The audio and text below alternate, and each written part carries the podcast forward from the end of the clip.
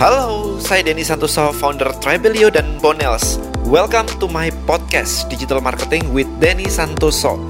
Di podcast ini saya bahas mengenai beberapa strategi marketing yang dapat meningkatkan omset bisnis Anda hingga 10 kali lipat. Salah satunya dengan membuat database atau list building. Untuk belajar lebih mendalam, Anda bisa langsung ke listbuildingblackbook.com. Follow juga YouTube dan Instagram saya @denny_santoso. Di sana saya juga berbagi ilmu mengenai digital marketing dan mindset setiap hari. Right, ayo kita mulai. Enjoy the podcast and see you inside.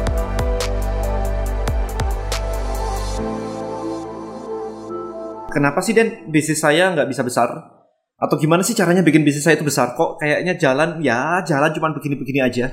Ini ngomongin yang udah jalan by the way guys, bukan ngomongin yang dan saya belum punya bisnis. Ini bukan untuk anda. Ya ini untuk anda yang mengatakan bahwa bisnis Anda kok jalannya kayak begini-begini aja ya. Udah bertahun-tahun kayak begini-begini aja ya, nggak pernah growth, nggak pernah jadi besar gitu. Ya income cukup sih, income cukup sih buat makan gitu. Tapi kayaknya kok ya begini-begini aja gitu. Hidup kayak you know, kayak ya udah dijalanin begitu aja. So, ini ada tiga tiga poin yang pengen saya highlight, pengen saya tekankan di sini.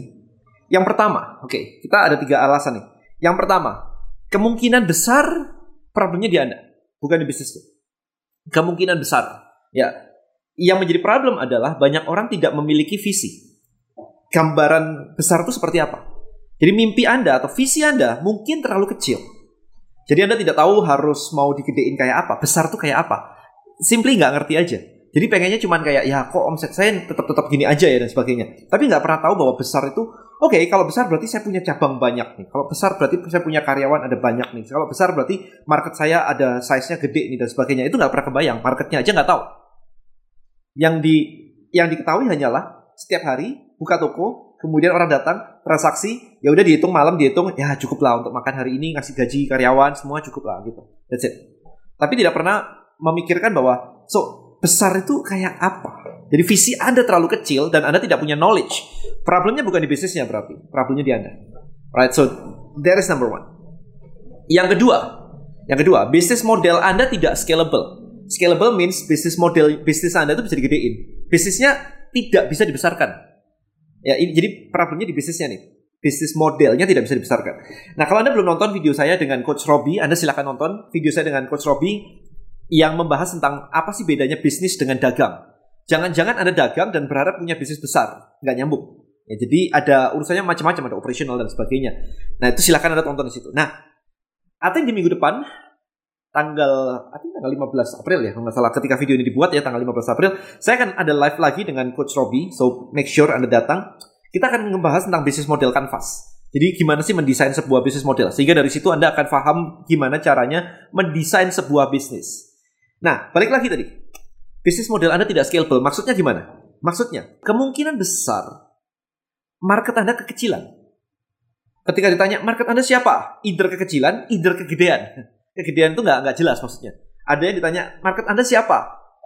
Nggak tahu gitu, nggak tahu. Ya pokoknya orang datang ke, ke toko saya belanja setiap hari, ya sudah. Ya sudah kalau kayak begitu kan berarti problemnya adalah di situ. Anda nggak tahu market Anda. Market Anda siapa Anda nggak jelas. Or eh, kemarin dia bilang kayak saya buka warung dan saya nanya marketmu siapa? Market saya adalah semua orang karena semua orang makan. Well yes, tapi kalau Anda buka warung di Samarinda misalnya, saya di Malang ngapain saya beli di warung Anda? Padahal saya juga termasuk semua orang. Berarti semua orang itu impossible. Masa semua orang datang ke warung Anda untuk beli? Gak mungkin kan? Nah ini ini yang gak ngerti maksudnya. Ini orang-orang yang ngerti. Jadi ide marketnya too small atau kagak jelas sekalian. Ini problem. Jadi Anda tidak tahu. Sementara kalau Anda tahu, let's say misalkan Anda Anda kuliner, Anda uh, Anda Anda tahu marketnya siapa? Mahasiswa misalnya gitu, yang suka nongkrong, yang suka ngobrol-ngobrol gitu kan. Maka Anda bisa bikin kayak warung abnormal. You know, um, good friend of mine Rex bikin itu. Kemudian uh, mindsetnya sama. Semua banyak mahasiswa yang bisa di serve nih. Mahasiswa di mana aja. Jadi dia akhirnya buka cabang. You know buka franchise whatever kayak begitu buka cabang. Untuk melayani marketnya. Jadi tahu dulu marketnya gede di mana saja gimana ngelayaninnya. Kan nggak mungkin buka satu warung abnormal kemudian semua harus datang ke tempat dia. It's impossible. Ini tempat orang nongkrong bukan traveling untuk ke warung abnormal. Ya kan? Jadi harus deket-deket dengan lokasi-lokasi di mana target marketnya berada. Misalkan pelajar you know kan harganya lumayan lumayan affordable gitu kan. Nah, maka dia merancang sebuah sistem atau bisnis model bentuknya either cabang atau franchise, kemudian itu dijual ke orang-orang yang memang suka, yang memang mau untuk mem memiliki sebuah franchise gitu. Ini bukan bilang abnormal franchise ya, correct me if I'm wrong, tapi intinya idenya mikirnya kayak begitu. Jadi marketnya di mana? Dia buka cabang begitu untuk serving the market. Nah kalau di dalam dunia digital itu lebih enak lagi karena anda nggak butuh kayak begitu. Anda jualan produk yang bisa dijual ke mana-mana, it's okay. Problem berikutnya adalah kalau anda seorang yang menjual ini limited service, anda arsitek, anda uh, dokter gigi, dokter ya dokter lah, basically dokter lah. Yang bisa scalable adalah kalau Anda mikirnya kayak tadi. Jadi kayak misalkan dokter kulit bisa bikin RH. Nah, itu scalable. Karena dia suddenly punya cabang di mana-mana yang kerja bukan dia lagi. So bisnis modelnya jadi scalable. Tapi kalau harus sendirian, praktek sendirian, ini tidak scalable. Karena ya waktu Anda cuma 24 jam, Anda nggak bisa ditambah waktu Anda. Tapi kalau Anda bisa meng-hire banyak dokter, suddenly punya dua dokter, waktu Anda jadi double. Anda punya 10 dokter, waktu Anda jadi 10 gitu kan. Kayak kerja 240 jam sehari gitu kan. Setelah kayak kayak gitu. Jadi bisnis modelnya, bukan industrinya, bisnis modelnya yang harus di fix. Kalau Anda cuma bisa ngerjain sendiri, mijet misalkan gitu kan, dan anda cuma sendirian, ya waktu Anda habis. Unless Anda punya panti pijet, dan habis itu banyak. You know, um, this is ngomongin bisnis model, bukan industrinya. Jadi industrinya mungkin nggak salah, tapi cara Anda memilih sebuah bisnis model ini menjadi problem ketika ini tidak scalable. Jadi balik lagi sekarang pikirkan. Kalau market Anda gede, kenapa Anda melayani cuma sedikit? Kalau Anda bilang semua orang butuh produk saya, kenapa Anda nggak buka di semua tempat? Kenapa hanya buka di sini dan mengharuskan orang untuk datang? Kan impossible. Ada gap di situ yang biasanya kita bahkan tidak pernah memikirkan hal ini. Kita cenderung ya melayani operasional harian. Maka ini masuk ke poin nomor tiga, yaitu Anda nggak punya tim. Jadi Anda nggak bisa besar karena Anda tidak punya tim.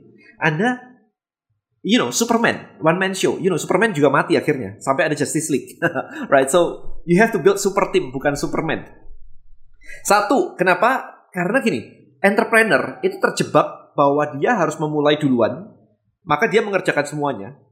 Dan itu menjebak dia seorang entrepreneur di operational harian. Ini yang jadi problem kan? Karena memang ya semuanya dimulai dari dirinya sendiri as an entrepreneur kemudian ngerjain semuanya bisa dan akhirnya dia ya itu yang dilakukan tiap hari kayak begitu. Ini ini jebakan Batman. Ya ini jebakan gitu. Jadi be careful guys. Begitu anda sudah bisa operationalnya udah udah jadi udah ngerti end to endnya udah ngerti. Mulai dari production mulai dari cari vendor um, dan sebagainya sampai jualan udah ngerti semua anda harus mulai meletakkan tim anda di situ sehingga anda bisa naik mikirin strategik karena untuk besar Anda butuh strategik, bukan butuh operational. Operational yang running adalah tim Anda. Ini ini jebakan gitu. Nah, kemudian ketika saya ngomongin tentang tim, ada juga yang yang susah percaya sama karyawan bilangnya. Wah, kalau misalkan duit gak dijaga sendiri, nah kayak gini. Ini ini problem nih. Ya ini jebakan juga nih. Susah percaya atau susah delegasi. Jadi benar-benar harus kayak anda mau punya bisnis atau Anda mau jadi admin atau kasir? That's the question. Ya, kalau Anda buka toko dan Anda jaga sendiri, ya sudah, Anda adalah kasir, bukan business owner. Kasir, basically. Gak ada orang terkaya terkaya terkaya begitu ngurusin kasir, gak ada. Ya semuanya pakai tim gitu. Apa pun bisnisnya, mereka selalu pakai tim. Gak ada jagain sendiri gitu. Bayangin aja, emang yang punya Indomaret harus jagain kasir Indomaret? Gak mungkin, men. Mereka punya like kayak I think belasan ribu cabang di seluruh Indonesia loh Kan nggak mungkin kan kalau owner itu harus jagain kasir Indomaret. Ini saya kebayangnya adalah Indomaret adalah level yang cukup kecil, small gitu, tapi banyak gitu kan. Sehingga kalau Anda punya toko yang mirip-mirip Indomaret dan harus jagain sendiri, problemnya di Anda. Bukan di industrinya, bukan di orangnya. Problemnya di Anda. Nggak bisa manage, nggak bisa milih karyawan, nggak bisa percaya, nggak bisa delegasi. Basically leadership Anda sucks Nah, jadi ini benar-benar um, saya to the point aja. Karena kalau misalkan Anda bilang toko saya kayak begini-begini harus dijaga sendiri, bayangin aja sama Indomaret tadi kan. Indomaret juga tokonya segitu-segitu aja kan. Satu ruko, dua ruko kayak gitu, tapi ada belasan ribu. Which is itu manajemennya keren banget. Sementara Anda cuma memanage satu aja, udah bilang kalau nggak dijaga sendiri nggak bisa. Ya memang Anda tidak siap besar kalau kayak gitu. So balik lagi kan, mindset Anda yang membuat bisnis Anda nggak bisa besar. Bukan bisnisnya, karena bisnisnya ada contohnya yang bisa besar. Nah, yang terakhir di sesi uh, di apa poin tim ini adalah ketika Anda sudah mulai delegasi, ketika Anda sudah mulai oke, okay, saya mulai mau percaya, saya mulai delegasi, problem terakhir adalah Anda sendiri perfeksionis. Kalau nggak saya ngerjain ya, ini kurang bagus, ini kurang ini, kurang itu, kurang ini, ada salahnya, ada ini, dan sebagainya. Balik lagi, guys, it's training SOP system. Semuanya itu di situ. Kalau Anda nuntut perfeksionis, semua bisnis yang franchise-franchise kayak begitu nggak ada. Nggak ada ceritanya. Karena semua tidak perfect. Tapi buku saya juga mengatakan bahwa done is better than perfect. Memang done, harus done. Tapi done dalam konteks yang tidak bisa, yang tidak sampai salah sehingga semuanya komplain dan bisnis Anda tutup. Bukan kayak begitu sih. Kalau itu sih, um, berarti memang problem sih. Tapi kalau misalkan Anda cuman miss-miss sedikit di mana it's not perfect in your eyes, tapi market aja nggak paham kalau itu nggak perfect gitu kan, so what gitu. Yang penting done. Jadi balik lagi, perfeksionis problemnya juga di sini. Jadi building tim atau tim nggak punya, itu problem terbesarnya ternyata adalah di mindset kita sendiri, di mindset Anda. Saya dari bukan di, bukan di saya sih, saya selalu bikin building tim.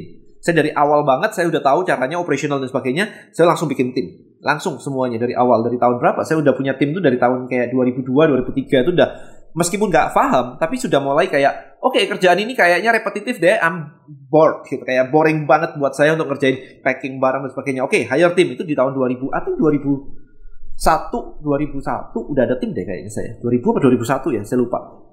Habis itu saya baru hiring full. Um, um, tim lengkap banget tuh di 2004 Oke, jadi memang saya agak slow waktu itu karena nggak ada mentor, nggak ada internet, nggak ada apa-apa, bener-bener kayak omset juga sendirian, saya nyala sendirian, door to door dari gym ke gym di tahun 99. Maka ketika um, scaling kayak begitu, begitu gede itu adalah ketika saya hire tim tahun 2004. Begitu itu, itu lompatnya itu udah kayak 100% omset saya naik per bulan. Nah, kayak setiap bulan itu naik 100% double, double, double, double, double gitu kan. Jadi um, basically I'm retired. I, was retired di, di tahun 2007 gitu. Baru sekarang aktif lagi uh, belakangan ini di di Trivalue and Bonels um, tapi intinya adalah itu. Tim crucial untuk membangun bisnis yang besar. Right so oke okay, saya saya mau recap semuanya tadi supaya anda paham totalnya adalah kenapa sih bisnis anda tidak besar besar kemungkinan ada tiga. Ini yang menjadi problem. Anda analisa sendiri dan kasih komen di bawah. Mana yang menjadi problem anda? Right so satu adalah visi anda terlalu kecil anda nggak tahu besar itu seperti apa, nggak nggak ada gambaran sama sekali. Uh, uh, ya, maybe Anda kurang piknik. Yang kedua adalah bisnis model Anda tidak scalable, ya kan? Mo bisnis modelnya, bisnisnya sendiri nggak nggak scalable. Either market marketnya kekecilan, marketnya nggak jelas, atau Anda menjual limited services. Kemudian yang ketiga adalah tim timnya nggak ada, Anda nggak punya tim. Jadi either Anda suka operasional atau kejebak di operasional, Anda susah percaya delegasi orang, atau Anda perfeksionis. Ini adalah tiga hal yang menjadi problem kenapa bisnis Anda tidak bisa atau susah sekali besar.